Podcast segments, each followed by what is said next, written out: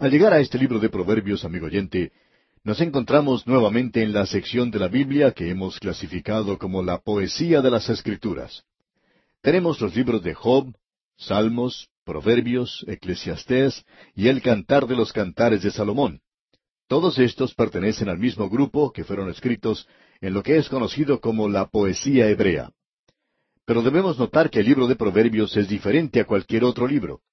Y también debemos indicar que Salomón es su escritor, y no solo del libro de Proverbios, sino de los tres libros siguientes, Proverbios, Eclesiastés y el Cantar de los Cantares. Proverbios es un libro que trata de la sabiduría. Eclesiastés, por su parte, es el libro que trata de la tontería. Y el Cantar de los Cantares de Salomón es el libro que habla del amor. Y el amor es el medio feliz, podemos decir, entre la sabiduría y la insensatez. Y amigo oyente, podemos decir que Salomón era un experto en estos tres temas. Usted puede estar seguro de eso. La misma palabra de Dios expresa con claridad que eso es exactamente lo que era este hombre. Bueno, permítanos leer allá en el primer libro de Reyes, capítulo cuatro, versículo treinta y dos. Allí dice, hablando de Salomón, y compuso tres mil proverbios, y sus cantares fueron mil cinco. Nosotros ahora tenemos solamente uno de esos cantares, y él había escrito mil cinco. Y tenemos muy poco de sus proverbios para decir la verdad claramente. Ahora se nos dice en los versículos treinta y tres y treinta y cuatro de ese capítulo cuatro del primer libro de Reyes, también disertó sobre los árboles, desde el cedro del Líbano hasta el hisopo que nace en la pared. Asimismo disertó sobre los animales, sobre las aves, sobre los reptiles y sobre los peces. Y para oír la sabiduría de Salomón venían de todos los pueblos y de todos los reyes de la tierra, a donde había llegado la fama de su sabiduría. En este libro vamos a escuchar de la sabiduría de Salomón. Ahora nosotros nos preguntamos, ¿qué es un proverbio? Bueno, ha sido llamado dicho sentencioso, por ejemplo. Y aquí tenemos una definición que compartir con usted. Escuche. Un proverbio es un dicho que indica una verdad específica de una manera directa. También podemos compartir esta otra definición. Los proverbios son frases cortas, producto de una larga experiencia. Y ese en sí mismo es un buen proverbio, ¿no le parece? También es una verdad que se presenta en una forma fácil de recordar, una filosofía basada en la experiencia y una regla para la conducta. Por tanto, un proverbio es un dicho sentencioso, una máxima, un adagio, un refrán, un epigrama, muchas de estas cosas. Ahora, el verso principal o clave en este libro de Proverbios, podemos decir que lo encontramos en el primer capítulo, versículo siete, donde dice, El principio de la sabiduría es el temor de Jehová. Los insensatos desprecian la sabiduría y la enseñanza. Hay algunas características bastante fuera de lo común en este libro de Proverbios, de las cuales quisiéramos hablar un poco en el día de hoy. Debemos decir que el antiguo Oriente es el hogar de los Proverbios. Pensamos que Salomón coleccionó muchos de ellos de diferentes fuentes. Él fue el editor de todos ellos y es el autor de algunos. Eso quiere decir que lo que tenemos aquí es el registro inspirado de los proverbios que son de la pluma de Salomón o de otros autores a los cuales Dios ha dado su aprobación. El doctor Thurtle y otros eruditos han notado que existe un cambio en los pronombres en este libro de la segunda persona a la tercera persona. Vamos a poder notar esto, digamos de paso, cuando comencemos a analizar este libro. Las conclusiones a las que arribaron estos eruditos era que los proverbios con la segunda persona le fueron enseñados a Salomón por sus maestros, y que los proverbios con la tercera persona fueron el producto de Salomón mismo. Es decir, que existe una diferencia entre el libro de proverbios y los proverbios en otras escrituras. Por ejemplo, los griegos eran tremendos en hacer proverbios, especialmente los poetas gnósticos. Uno puede apreciar esto al leer el griego y poder comprobar lo tremendo que esta gente, estos poetas gnósticos, eran al producir proverbios eran muy inteligentes en la forma en que se expresaban en el idioma griego, y muchos de ellos eran un juego de palabras en ese idioma. Ahora existen algunas características en los proverbios que creemos deberíamos notar. La primera de ellas es que Proverbios no tiene ninguna declaración que no sea científica o alguna observación que sea falsa. Por ejemplo, en el capítulo cuatro de este libro de Proverbios, versículo veintitrés dice, Sobre toda cosa guardada, guarda tu corazón, porque de él mana la vida. Y transcurrieron unos dos mil setecientos años antes de que Harvey descubriera que la sangre circulaba en el cuerpo. Como contraste a esto, en un libro apócrifo, la carta de Bernabé, se hace mención de la mitológica Fénix, un ave fabulosa que se creía ser única y que resucitaba de sus propias cenizas. Es decir, esta ave se consumía a sí misma por fuego y luego volvía a la vida. Pues bien, esa es una fábula que no aparece en el libro de Proverbios y que tampoco aparece en ninguna otra parte de la Biblia. Ahora es extraño poder notar que en toda esta información antigua que existe en este libro, que contiene cientos de proverbios, ninguno de ellos va contra la ciencia del día de hoy. Usted no puede encontrar algo así en ninguna otra clase de escritura. Creemos que eso en sí mismo debería alertar a cualquier persona que piensa o que es inteligente. Lo segundo que podemos notar de Proverbios es que está en un nivel elevado y moral. Los dichos inmorales que aparecen en otras escrituras, usted no los puede encontrar aquí. Por ejemplo, Justín Mardor dijo que Sócrates era un cristiano antes de Cristo, lo que por supuesto sería una imposibilidad. Pero en realidad, cuando uno lee las escrituras de Sócrates, uno descubre que él presenta un alto concepto de moralidad según sus admiradores. Pero Sócrates también le da instrucciones a las prostitutas de cómo conducirse a sí mismas. Bueno, lo mejor que uno podría decir de él es que eso no es moral, sino inmoral.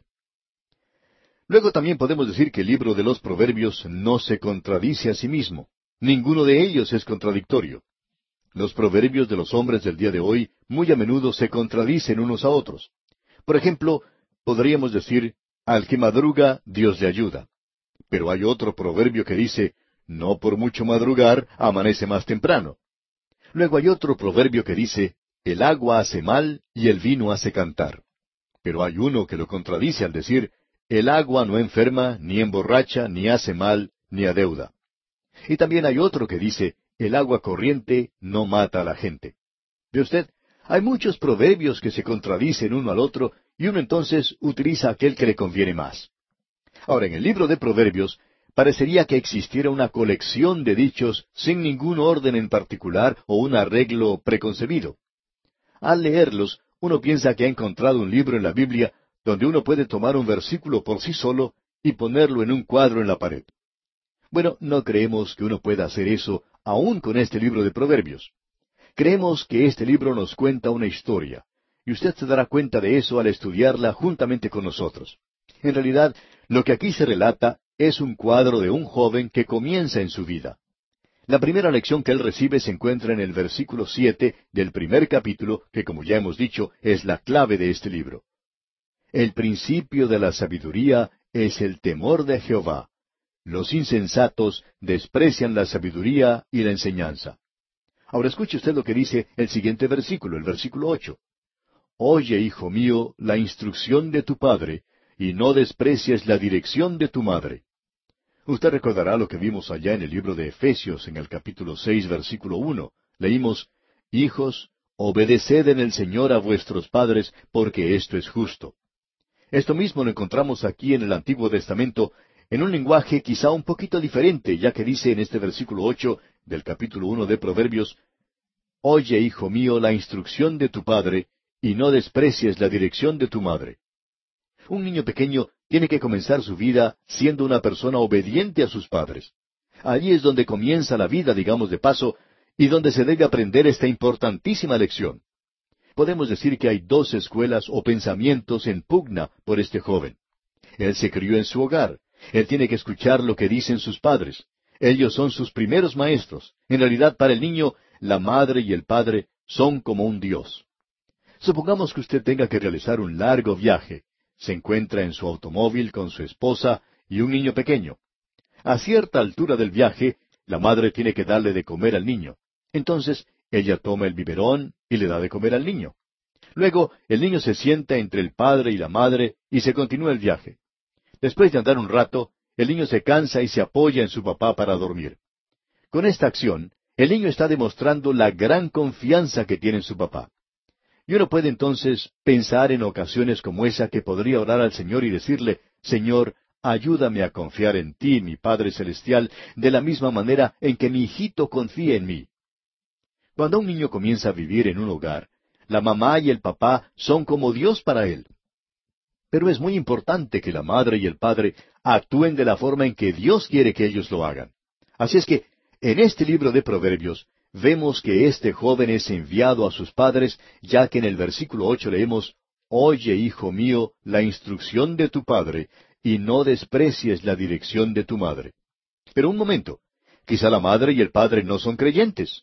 Quizá la madre y el padre no van a criar a este niño como corresponde. Pero Dios dice que ellos son responsables ante Él por esta tarea.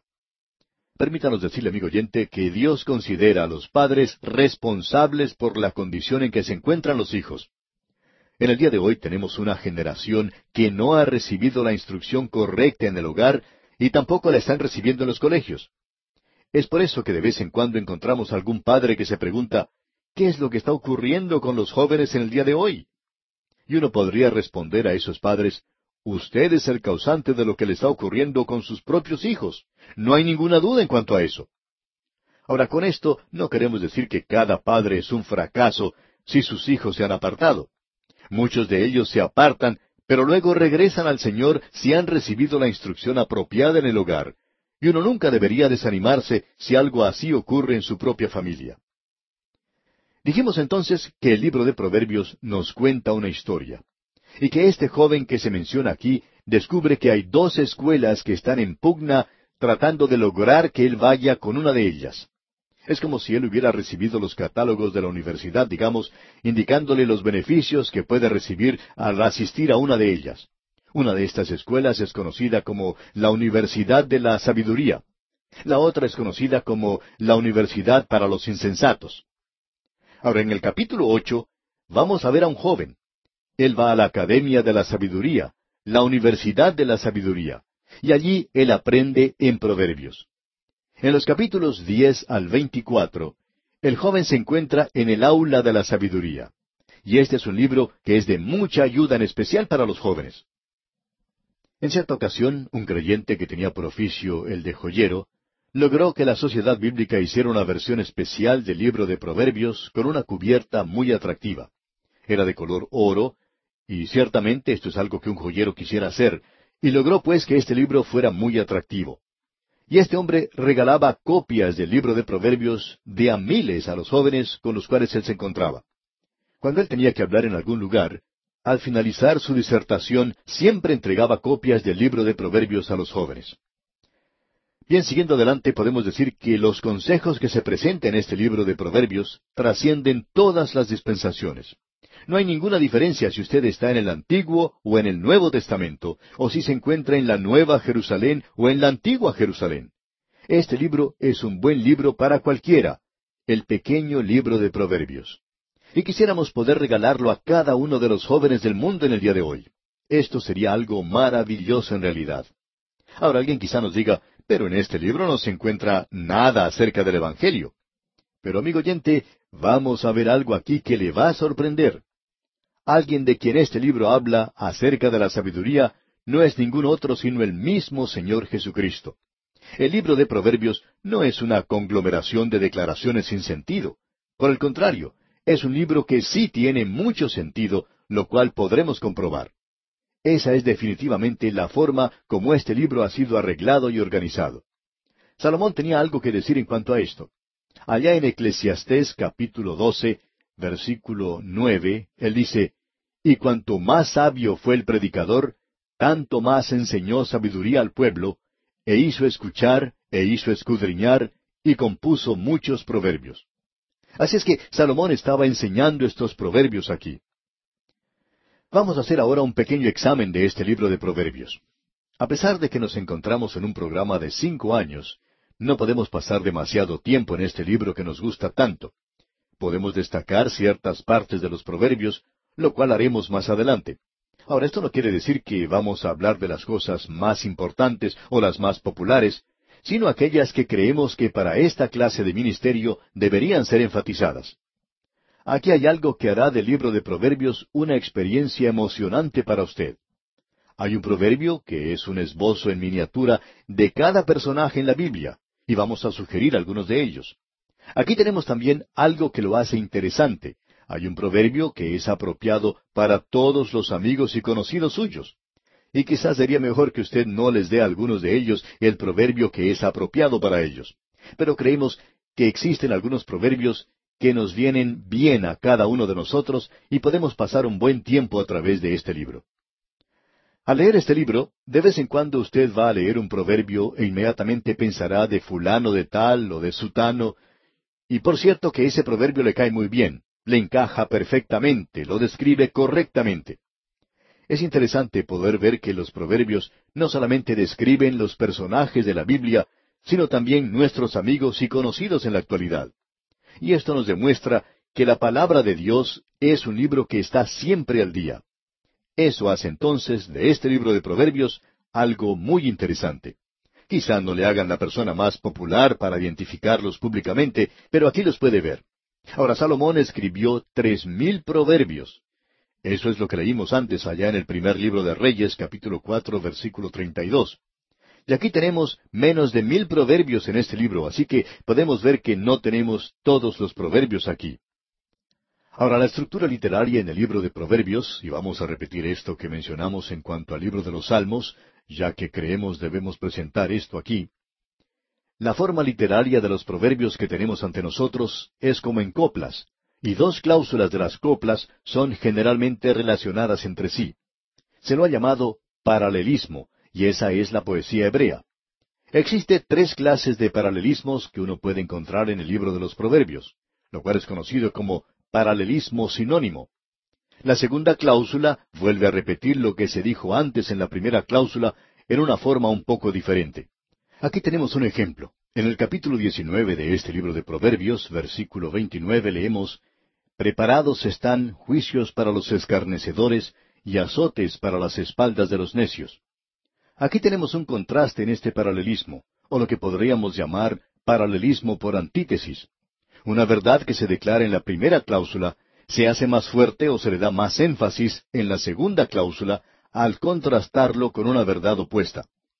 Aquí tenemos un ejemplo en el capítulo 13, versículo 9. La luz de los justos se alegrará, mas se apagará la lámpara de los impíos. Usted puede notar el contraste que existe aquí. Y luego tenemos un paralelismo sintético. La segunda cláusula desarrolla más el pensamiento de la primera. Leamos lo que nos dice el capítulo veinte de Proverbios, versículo dos. Como rugido de cachorro de león es el terror del rey. El que lo enfurece peca contra sí mismo. Como podemos ver, es un libro muy destacado.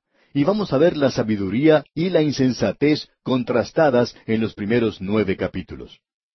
Luego, más adelante, los proverbios de Salomón que fueron escritos y organizados por él mismo en los capítulos diez al veinticuatro.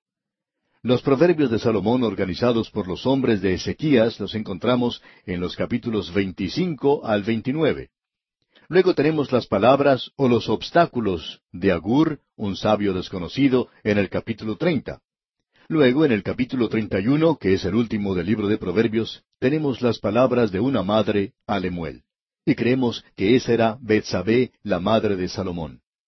Hoy simplemente hemos presentado la introducción a este libro de Proverbios.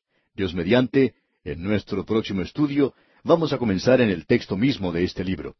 Mientras tanto, le sugerimos, como es nuestra costumbre, leer el primer capítulo de Proverbios para estar así familiarizado con su contenido y pueda sacar el mayor provecho posible de este estudio.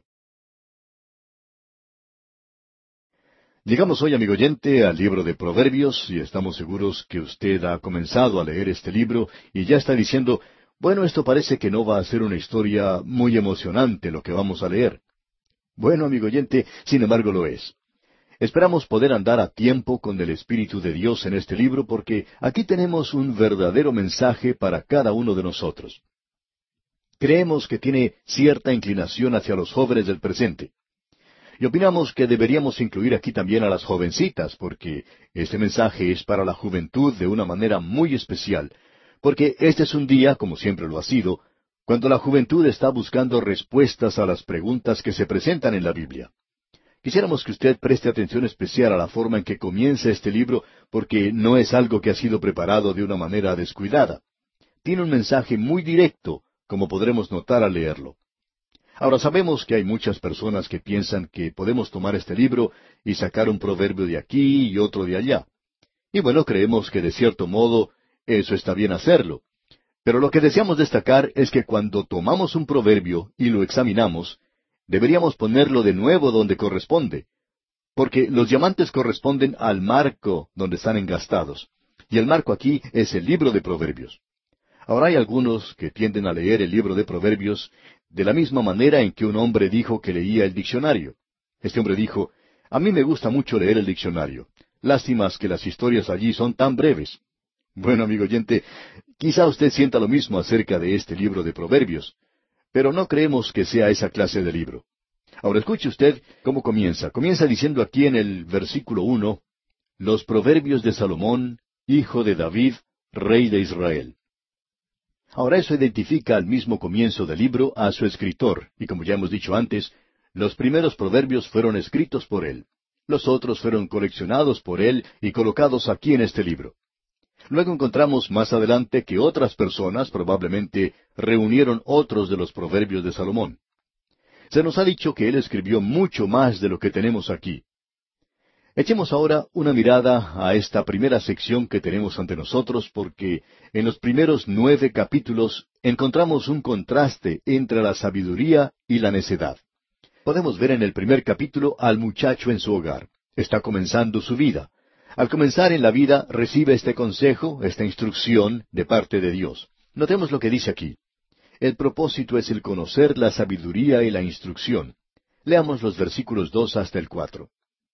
Para entender sabiduría y doctrina, para conocer razones prudentes, para recibir el consejo de prudencia, justicia, juicio y equidad, para dar sagacidad a los simples y a los jóvenes inteligencia y cordura Debemos tener cuidado de no pasar sobre esto muy rápido, sobre esta sección, porque son diez palabras las que se han utilizado que parecerían ser sinónimos. Y por supuesto que existe cierta relación entre ellas, pero debemos notar que no son las mismas palabras. Nos gustaría tomar cada una de estas palabras y ponerlas bajo el microscopio para poder observarlas vamos a descubrir que ellas no son simplemente sinónimos y que no son presentadas ante nosotros en un montón allí para darnos un comienzo impresionante. Cada palabra de Dios es pura, se nos dice, así es que observemos cada una de ellas. Se nos dice en primer lugar, para entender sabiduría. Ahora, ¿qué es lo que quiere decir con sabiduría? Bueno, como ya hemos dicho una y otra vez, la sabiduría en las Sagradas Escrituras, y esta palabra en particular aquí, quiere decir la habilidad de utilizar el conocimiento correctamente. Se repite en este libro de Proverbios unas treinta y siete veces, y quiere decir el usar el conocimiento acertadamente.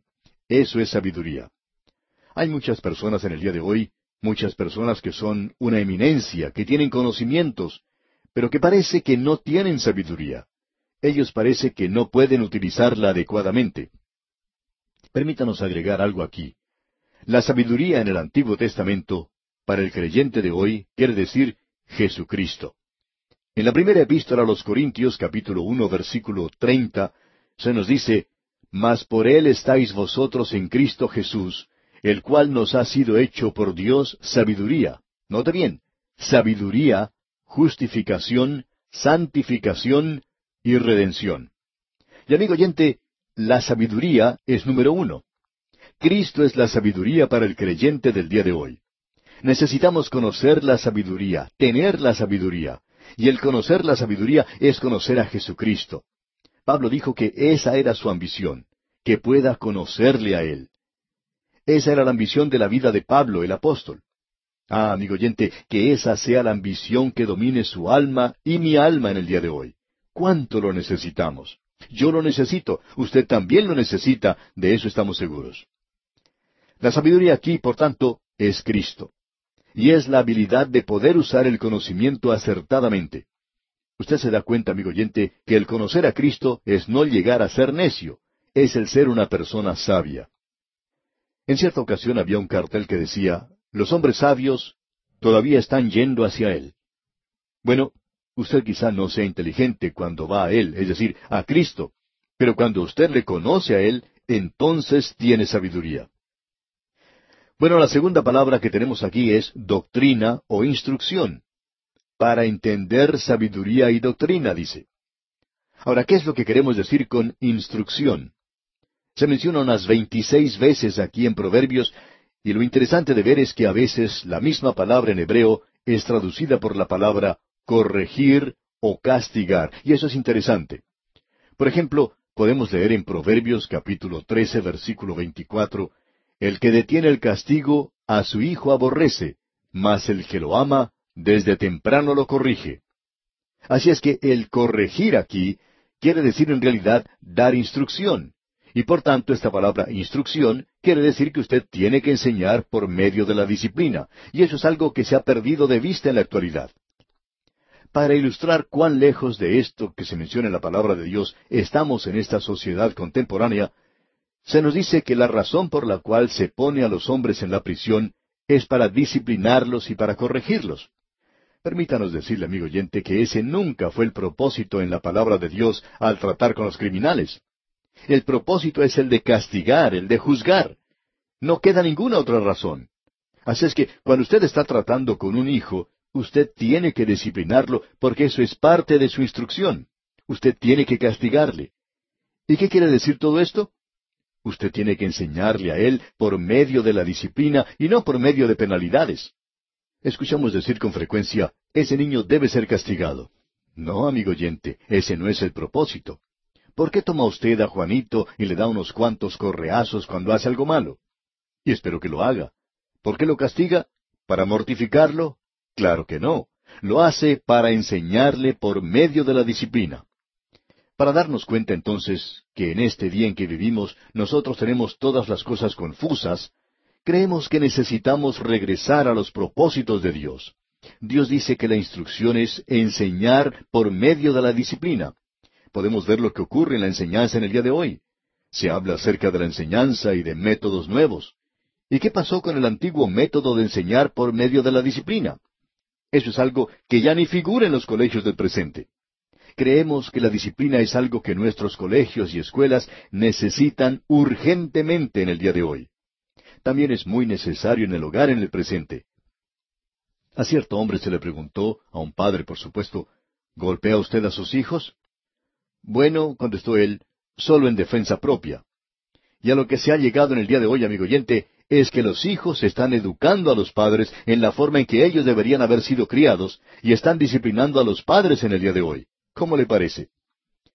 En cierta ocasión, un joven muchacho fue a su papá y a su mamá y les dio un discurso de cómo se deberían comportar, y en ese mismo momento, ese joven estaba bajo la orden de un juez.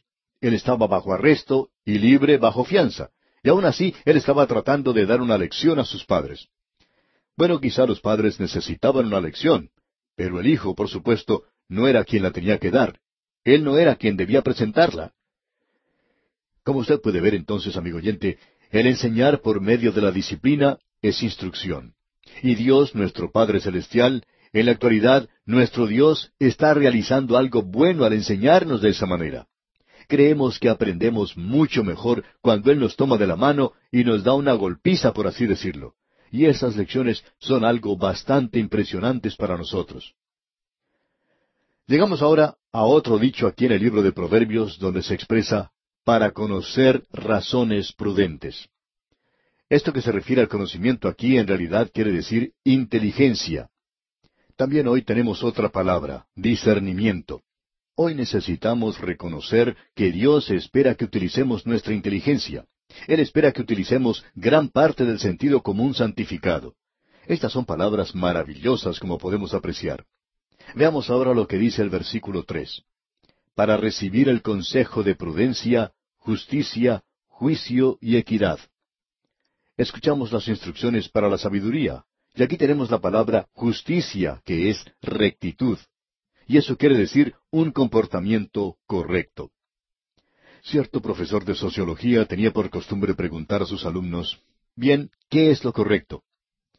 Bueno, podemos contestar que aunque quizá no lo conocíamos antes, ahora podemos decir que es Dios y que es correcto, que Dios es justo, que Dios puede separar la luz de las tinieblas, que Dios es quien dice que es bueno tener una separación entre la luz y las tinieblas. Ahora yo no puedo hacer que salga el sol, ni que se ponga el sol tampoco. Solo Dios está controlando este universo. Él hace la luz, Él hace las tinieblas. Dios es quien determina lo que es bueno y Dios es quien determina lo que es malo. Usted puede decir hoy, bueno, ¿es correcto hacer esto? Es correcto, está bien, amigo oyente, si Dios dice que está bien. Alguien dirá, ¿y está mal hacer esto? Bueno, es malo si Dios dice que es malo. Lo bueno y lo malo en el día de hoy, amigo oyente, no son términos relativos, excepto en las mentes de aquellos contemporáneos. Ahora diríamos que el hombre típico, ordinario o contemporáneo cree que el bien y el mal están en partes iguales o proporcionales. Y esa es una de las razones por la cual hay tanta deshonestidad, la gran inmoralidad del día de hoy. Porque dicen que el bien y el mal son términos relativos. Y Dios dice que eso no es así, amigo oyente. Él dice que son como la luz y las tinieblas. Ah, estas son palabras maravillosas. Luego dice justicia y juicio. Esa palabra juicio quiere decir que usted y yo tenemos que juzgar.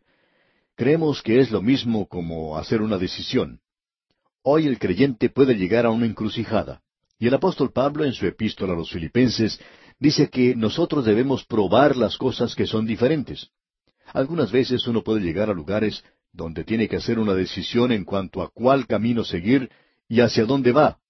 ¿Va en esta dirección o en aquella? Muchas veces tenemos que hacer decisiones en nuestra vida como hijos de Dios. Tenemos que consultar con Dios para tomar la decisión correcta y estamos seguros que el Señor nos va a dirigir de tal manera que no tengamos dudas en lo que tenemos que elegir. Llegamos luego aquí a otra expresión donde dice y equidad. Y esto se refiere al principio más que a la conducta. No pensamos que el Hijo de Dios tenga que estar bajo ciertas reglas. Creemos que está bajo ciertos grandes principios en el presente y que estos principios deberían guiarnos.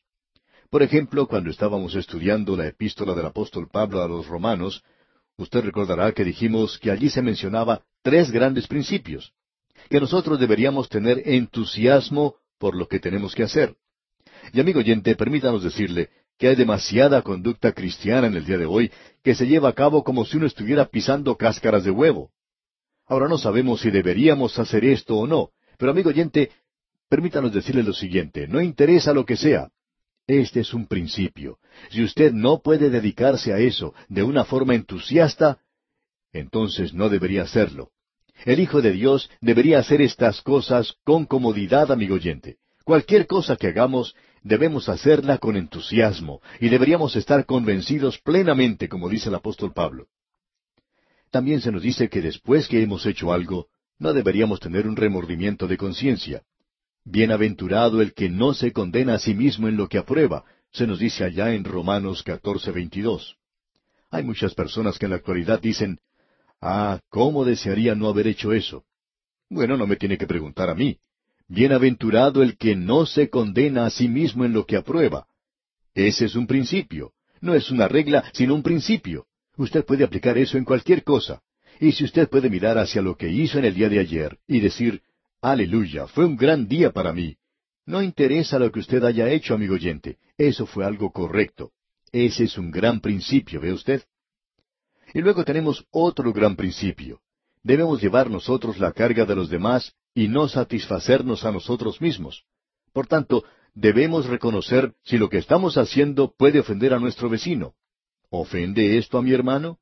Esos son grandes principios de conducta, amigo oyente, que deberían guiar al creyente. Bien, sigamos adelante, ya que hemos pasado bastante tiempo en esto. Notemos lo que sigue diciendo este libro de Proverbios. Se nos dice aquí en el versículo cuatro, para dar sagacidad a los simples. Ahora, ¿qué es lo que quiere decir eso? Bueno, creemos que esto se usa mucho en estos días en la televisión. Debemos ser prudentes, eso es lo que se dice. Eso en realidad quiere decir que debemos ser sabios en lo que hacemos. El Hijo de Dios no debe actuar neciamente. Hay algunos matrimonios jóvenes que cometen una equivocación al ir al campo misionero. Ciertos jóvenes simplemente cerraron los ojos a la realidad y salieron al campo misionero. Se les había urgido que no lo hicieran, pero ellos fueron y regresaron fracasados. En realidad, ellos hicieron un desastre de esos días al tomar esa acción. ¿Por qué? Porque no fueron prudentes. Usted tiene que ser sabio en lo que hace, amigo oyente. Usted recuerda lo que el Señor Jesucristo dijo, Sed pues prudentes como serpientes y sencillos como palomas. Notemos lo que dice ahora. Y a los jóvenes inteligencia y cordura. Bueno, la inteligencia aquí se refiere al conocimiento e información que es buena para él. En cierto laboratorio científico de una universidad, se había colocado un cartel que servía como distintivo de los estudiantes de ese lugar, en el cual se leía lo siguiente. Lo principal para el saber es saber dónde hallarlo. Y esa es la razón por la cual es bueno tener la Biblia a mano y acostumbrarse a leerla, porque si usted no sabe, usted puede estar seguro de encontrar allí lo que necesita. Ahora, la última palabra que se utilizó en este versículo fue cordura. Ahora, ¿qué es lo que quiere decir cordura? Eso quiere decir cuidado, previsión. Y esto es especialmente para los jóvenes, ya que generalmente los jóvenes no tienen mucha previsión. Debo decir honradamente que cuando yo era joven era así. Quizá lo sea en alguna manera, ya que me olvido de muchas cosas, pero nosotros debemos ser más cuidadosos. Cuán hermoso es encontrar a un creyente que es atento y que piensa bien lo que hace. Hay veces que nuestros amigos nos sorprenden con las cosas que hacen por nosotros, especialmente si tenemos necesidad de algo. Hay creyentes maravillosos que son muy cuidadosos, piensan en los demás, y esa es una característica que nosotros deberíamos tener. Este libro de Proverbios nos va a ayudar mucho con todas esas palabras, y las podremos incorporar en nuestras propias vidas. Ahora, al llegar al versículo cinco, notamos que salimos un poco de esta área. Allí dice en este versículo cinco del capítulo uno de Proverbios, Oirá el sabio y aumentará el saber, y el entendido adquirirá consejo. El hombre sabio oirá. Esta ha sido una característica de los grandes hombres, los cuales nunca llegan a un nivel desde el cual piensan que ya han aprendido todo. En cierta ocasión se presentó un joven artista en la televisión. Él había llegado a la fama de una manera meteórica. Y una de las cosas que lo caracterizaban era su arrogancia. Él sabía todo. No creemos que sería posible decirle nada a una persona así. Pero aquí se nos dice, oirá el sabio. Y sigue diciendo, y aumentará el saber, y el entendido adquirirá consejo. Ese, amigo oyente, es un desafío, un reto para nosotros al entrar a este libro de Proverbios y estudiarlo. Lo que Salomón va a decir aquí es que si usted es lo suficientemente inteligente, escuchará lo que se dice aquí en este libro. Amigo oyente, no es escuchar lo que yo tengo que decir, sino escuchar lo que el Espíritu de Dios tiene que decir en este libro de Proverbios. Y ya sabemos que tiene algunas cosas muy selectas que decirnos en este libro. Son grandes verdades expresadas en frases muy pequeñas. Y aquí, amigo oyente, vamos a detenernos por hoy. En este día, amigo oyente, regresamos al libro de Proverbios. En nuestro programa anterior tuvimos un estudio de palabras y creemos que eso fue algo muy importante. Llegamos ahora a un reto, a un desafío, como pudimos ver en nuestro programa anterior, en la primera parte del versículo cinco, donde decía, oirá el sabio y aumentará el saber. Ahora aquí en el versículo seis de este capítulo uno de Proverbios leemos, para entender proverbio y declaración, palabras de sabios y sus dichos profundos. Hay una declaración en la palabra de Dios que también se encuentra en el libro de Proverbios, lo cual veremos más adelante, y es algo que en realidad nos encanta. Dice así, Gloria de Dios es encubrir un asunto, pero honra del rey es escudriñarlo. Dios ha dado el Evangelio en una forma tan cristalina que puede ser declarado a viva voz, pero hay mucho de la verdad que se encuentra en la palabra de Dios que no está colocada en la superficie como si fueran diamantes esparcidos sobre la tierra. Dios nunca ha hecho eso. Dios siempre ha colocado las joyas, y lo que es de mucho valor, lo ha escondido, por así decirlo, para que el hombre tenga que encontrarlo. El hombre tiene que hacer un esfuerzo para hallarlo. El oro tiene que ser sacado de las entrañas de la tierra, así como también los diamantes. Otras cosas preciosas también tienen que ser excavadas. Y en el caso del petróleo, por ejemplo, debe hacerse perforaciones para poderlo obtener. ¿Por qué? Porque así es como Dios hace las cosas. Es para la gloria de Dios el esconder alguna cosa. Ahora, la palabra de Dios merece todo el estudio que usted pueda darle. Es decir, el Señor Jesucristo dijo, escudriñad las escrituras, porque a vosotros os parece que en ellas tenéis la vida eterna. Ahora él no dijo que no había que escudriñarlas. Lo que dijo en realidad es escudriñad las escrituras. Usted cree que lo ha encontrado, pero aún no lo ha buscado.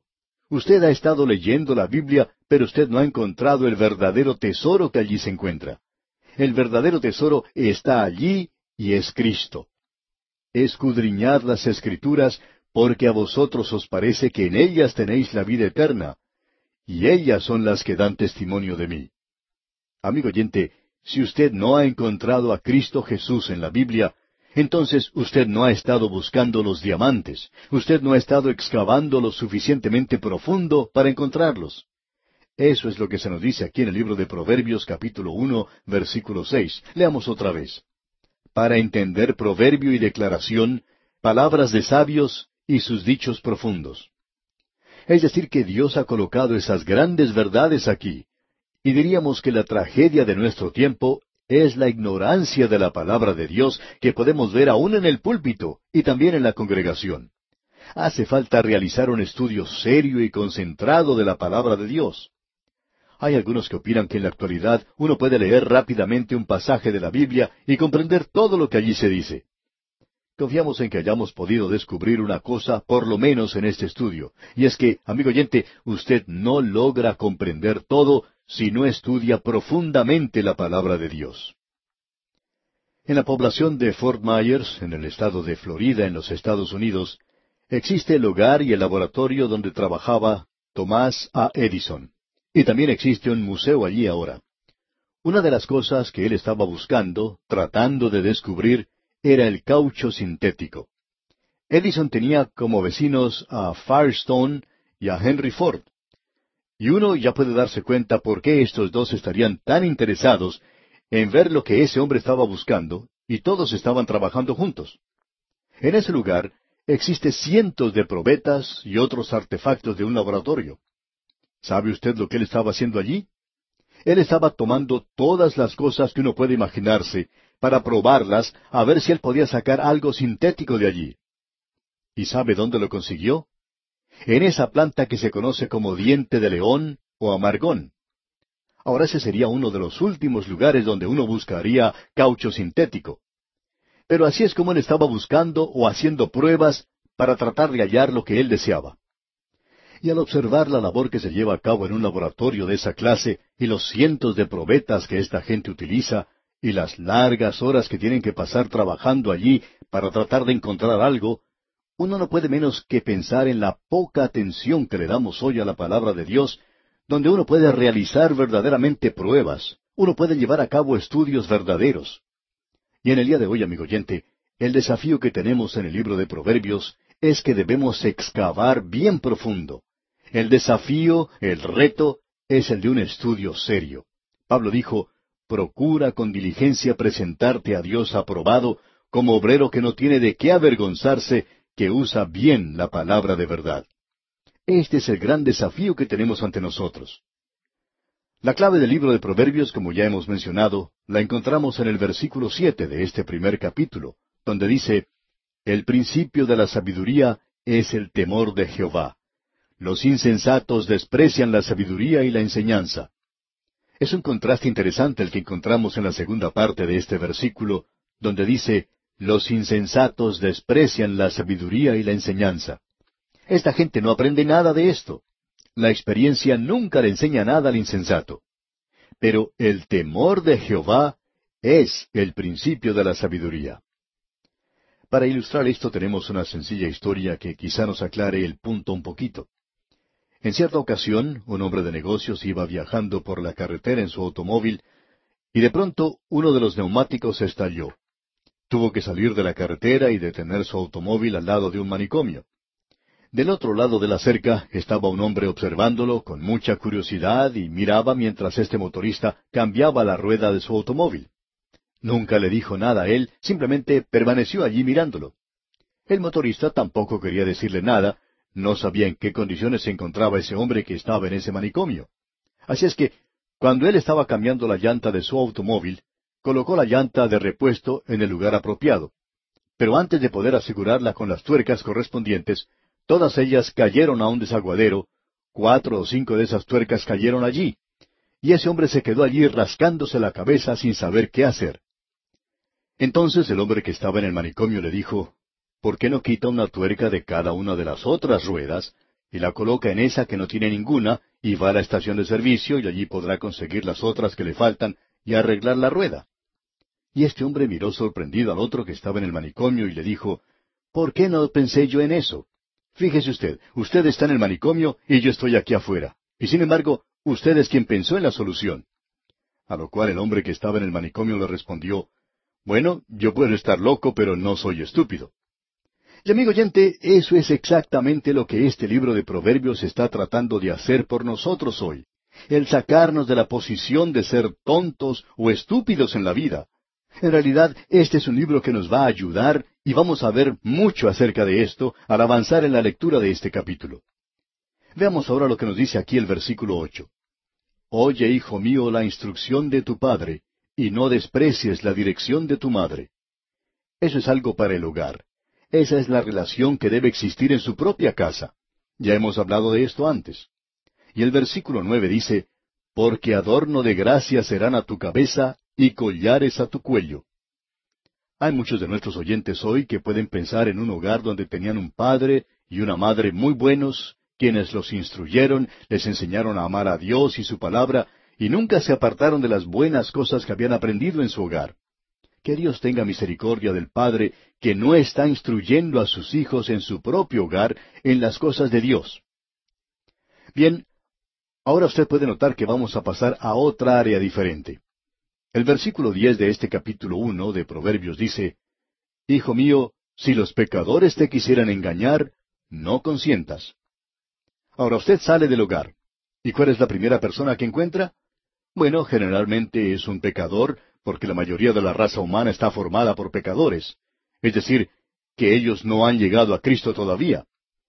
Todos nosotros somos pecadores, pero usted se va a encontrar con el pecador que en realidad está viviendo en pecado. Ahora, ¿cuál debe ser su actitud en cuanto a esta persona? De paso, debemos decir que antes habíamos mencionado que en el libro de Proverbios usted encuentra un proverbio para cada personaje de la Biblia. Y también creemos que usted puede encontrar un proverbio para cada amigo suyo. Y sería mejor que usted no le diga a su amigo lo que encuentra aquí en cuanto a él. Pero en fin, tenemos aquí un proverbio que se refiere a alguien de la Escritura. ¿Quién piensa usted que puede ser? Leamos el versículo diez otra vez. Hijo mío, si los pecadores te quisieran engañar, no consientas. ¿No le parece a usted que esto es apropiado a José cuando él fue llevado como esclavo a la tierra de Egipto y la esposa de Potifar trató de seducirle? Tenemos aquí a uno que es un ejemplo de esto, y él no consintió a eso. Ahora ese pequeño que ha crecido en su hogar es un jovencito que sale a la vida, ¿y qué es lo que va a hacer él ahora? Bueno, este es su problema. Si los pecadores te quisieren engañar, no consientas. ¿Y qué sucederá entonces? Bueno, aquí tenemos lo que sucede. Leamos los versículos once hasta el trece de este capítulo uno de Proverbios. Si dijeren, ven con nosotros, pongamos acechanzas para derramar sangre, acechemos sin motivo al inocente. Los tragaremos vivos como el Seol, y enteros como los que caen en un abismo. Hallaremos riquezas de toda clase, llenaremos nuestras casas de despojos. Este joven se encuentra con un pecador que ya tiene un plan y un programa preparado. Él quiere lograr algo sin hacer nada, quiere vivir de lo que la otra persona tiene y hacer sufrir a los demás para poder él prosperar. Ahora en la primera parte del versículo catorce leemos, Echa tu suerte entre nosotros. Eso es lo que ellos dicen. Y en la segunda parte de este versículo catorce leemos, Tengamos todos una bolsa. Eso es algo bastante interesante, como podemos ver. Es la filosofía de nuestros tiempos. Vivamos todos de la misma bolsa. Y por lo general, aquellos que quieren hacer eso no están haciendo nada ellos mismos. Ellos quieren que usted y yo compartamos lo que hemos logrado con nuestro trabajo y ellos no tienen ninguna clase de contribución que hacer. Esa es una filosofía falsa de la vida, pero esa es una filosofía que es muy común entre los jóvenes de nuestros días. Desafortunadamente, ese es el pensamiento y el sentir de la hora presente, lograr algo sin dar nada y utilizar toda clase de métodos para recibir eso, aun métodos pervertidos, malvados. El autor de estos estudios bíblicos, el doctor J. Vernon McGee, contaba que cuando su papá falleció en un accidente, él tenía catorce años de edad, su mamá y su hermana lo llevaron de regreso a la ciudad de Nashville, en el estado de Tennessee, donde era su hogar. Y él tuvo que ir a trabajar. No pudo continuar en la escuela porque hacía falta dinero en la casa. Consiguió un trabajo en una ferretería que vendía de todo al por mayor. No solo vendían cosas relativas a la ferretería, sino que también vendían dulces y toda clase de cosas. Y él tuvo que trabajar en el departamento de correspondencia con otros muchachos. Bien, el doctor McGee contaba que estos jóvenes no eran muy buenos. Se habían dado cuenta que uno podía sacar de las cajas de dulces un pequeño paquete y que nadie se daría cuenta de ello ya que se vendía al por mayor. Y allí había por lo menos unas cincuenta cajas, digamos. Pues bien, uno podía llenar varias de ellas por uno mismo. Y el doctor Magui confesaba que el primer día él cooperó con los muchachos y que luego su conciencia comenzó a molestarle durante la noche, ya que se dio cuenta que eso no estaba bien, se había dado cuenta que estaba robando. Así que al día siguiente fue y le dijo a sus jóvenes compañeros de trabajo que él no quería seguir tomando lo que no le pertenecía, sino dedicarse a trabajar honradamente. Calculó que eso era lo mejor que podía hacer. Ahora debemos decir, amigo oyente, que es fácil caer en costumbres de un grupo como ese, por la presión que ejerce, especialmente si uno es joven, puede llegar a hacer estas cosas que no son buenas, o el trabajar con un grupo que no hace todo lo que debe hacer y en realidad no producen lo que deberían producir por el pago que están recibiendo. Es muy fácil cooperar en esa clase de cosas cuando uno es joven. Así es que este es el primer consejo que se le da al joven cuando sale del hogar. En el versículo quince leemos, Hijo mío, no andes en camino con ellos. Aparta tu pie de sus veredas. Y eso es lo que llamamos en el día de hoy separación. Esa es la clase de separación que la palabra de Dios deja bien en claro. Salid de en medio de ellos y apartaos, dice el Señor, como vemos en 2 Corintios 6, 17. Bien, lo que Pablo estaba diciendo en ese momento era relacionado con la idolatría, pero uno lo puede aplicar muy bien a lo que estamos hablando ahora. Y Salomón está diciendo aquí que se aparte de esos amigos perversos con los que estaba. Ahora en los versículos 16 al 18 de este capítulo 1 de Proverbios leemos, Porque sus pies corren hacia el mal y van presurosos a derramar sangre, porque en vano se tenderá la red ante los ojos de toda ave. Pero ellos a su propia sangre ponen acechanzas y a sus almas tienden lazo. Cuando uno se envuelve en esta clase de cosas, eventualmente lo llevará usted a su propia destrucción. Usted está atrapado en su propia red. Y el versículo 19 dice, Tales son las sendas de todo el que es dado a la codicia, la cual quita la vida de sus poseedores. Y esta es la condenación al comienzo de la codicia. Usted y yo vivimos en una era materialista hoy. Cierto profesor en una universidad ha tomado la posición de que las universidades tienen que apartarse de enseñar ese materialismo craso del presente, que deberían regresar a la religión en el día de hoy, como dijo él. Debemos decir aquí que hay unos pocos que se están despertando. La codicia es uno de los grandes pecados de ahora, y eso es lo que se está condenando aquí. Ahora en el versículo veinte dice, La sabiduría clama en las calles, alza su voz en las plazas. La sabiduría está urgiéndole a usted a que vaya al colegio y que de veras aprenda algo, que vaya a su propia universidad. Y luego los versículos 21 y 22 de este capítulo 1 de Proverbios dicen, Clama en los principales lugares de reunión, en las entradas de las puertas de la ciudad dice sus razones. ¿Hasta cuándo, oh simples, amaréis la simpleza, y los burladores desearán el burlar, y los insensatos aborrecerán la ciencia. Y eso se refiere aquí a la tontería, a la estupidez, si se nos permite la expresión. Ahora, ¿por cuánto tiempo va a ser tonto, torpe, falto de inteligencia? Cierto joven que tendría unos veinte años decía que él había estado bajo las drogas por tres años. Y este muchacho, al hablar de esa condición, repetía una y otra vez, Ah, cuán tonto, cuán estúpido era yo. Y nos preguntamos nosotros, ¿por cuánto tiempo va usted a continuar siendo tonto? Venga a la Universidad de la Sabiduría, amigo oyente. Los insensatos aborrecerán la ciencia. Y el versículo 23 continúa, Volveos a mi reprensión. He aquí yo derramaré mi espíritu sobre vosotros, y os haré saber mis palabras.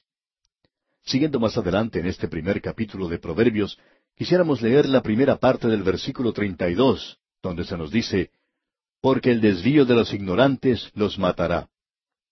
Es un suicidio espiritual el apartarse de Cristo.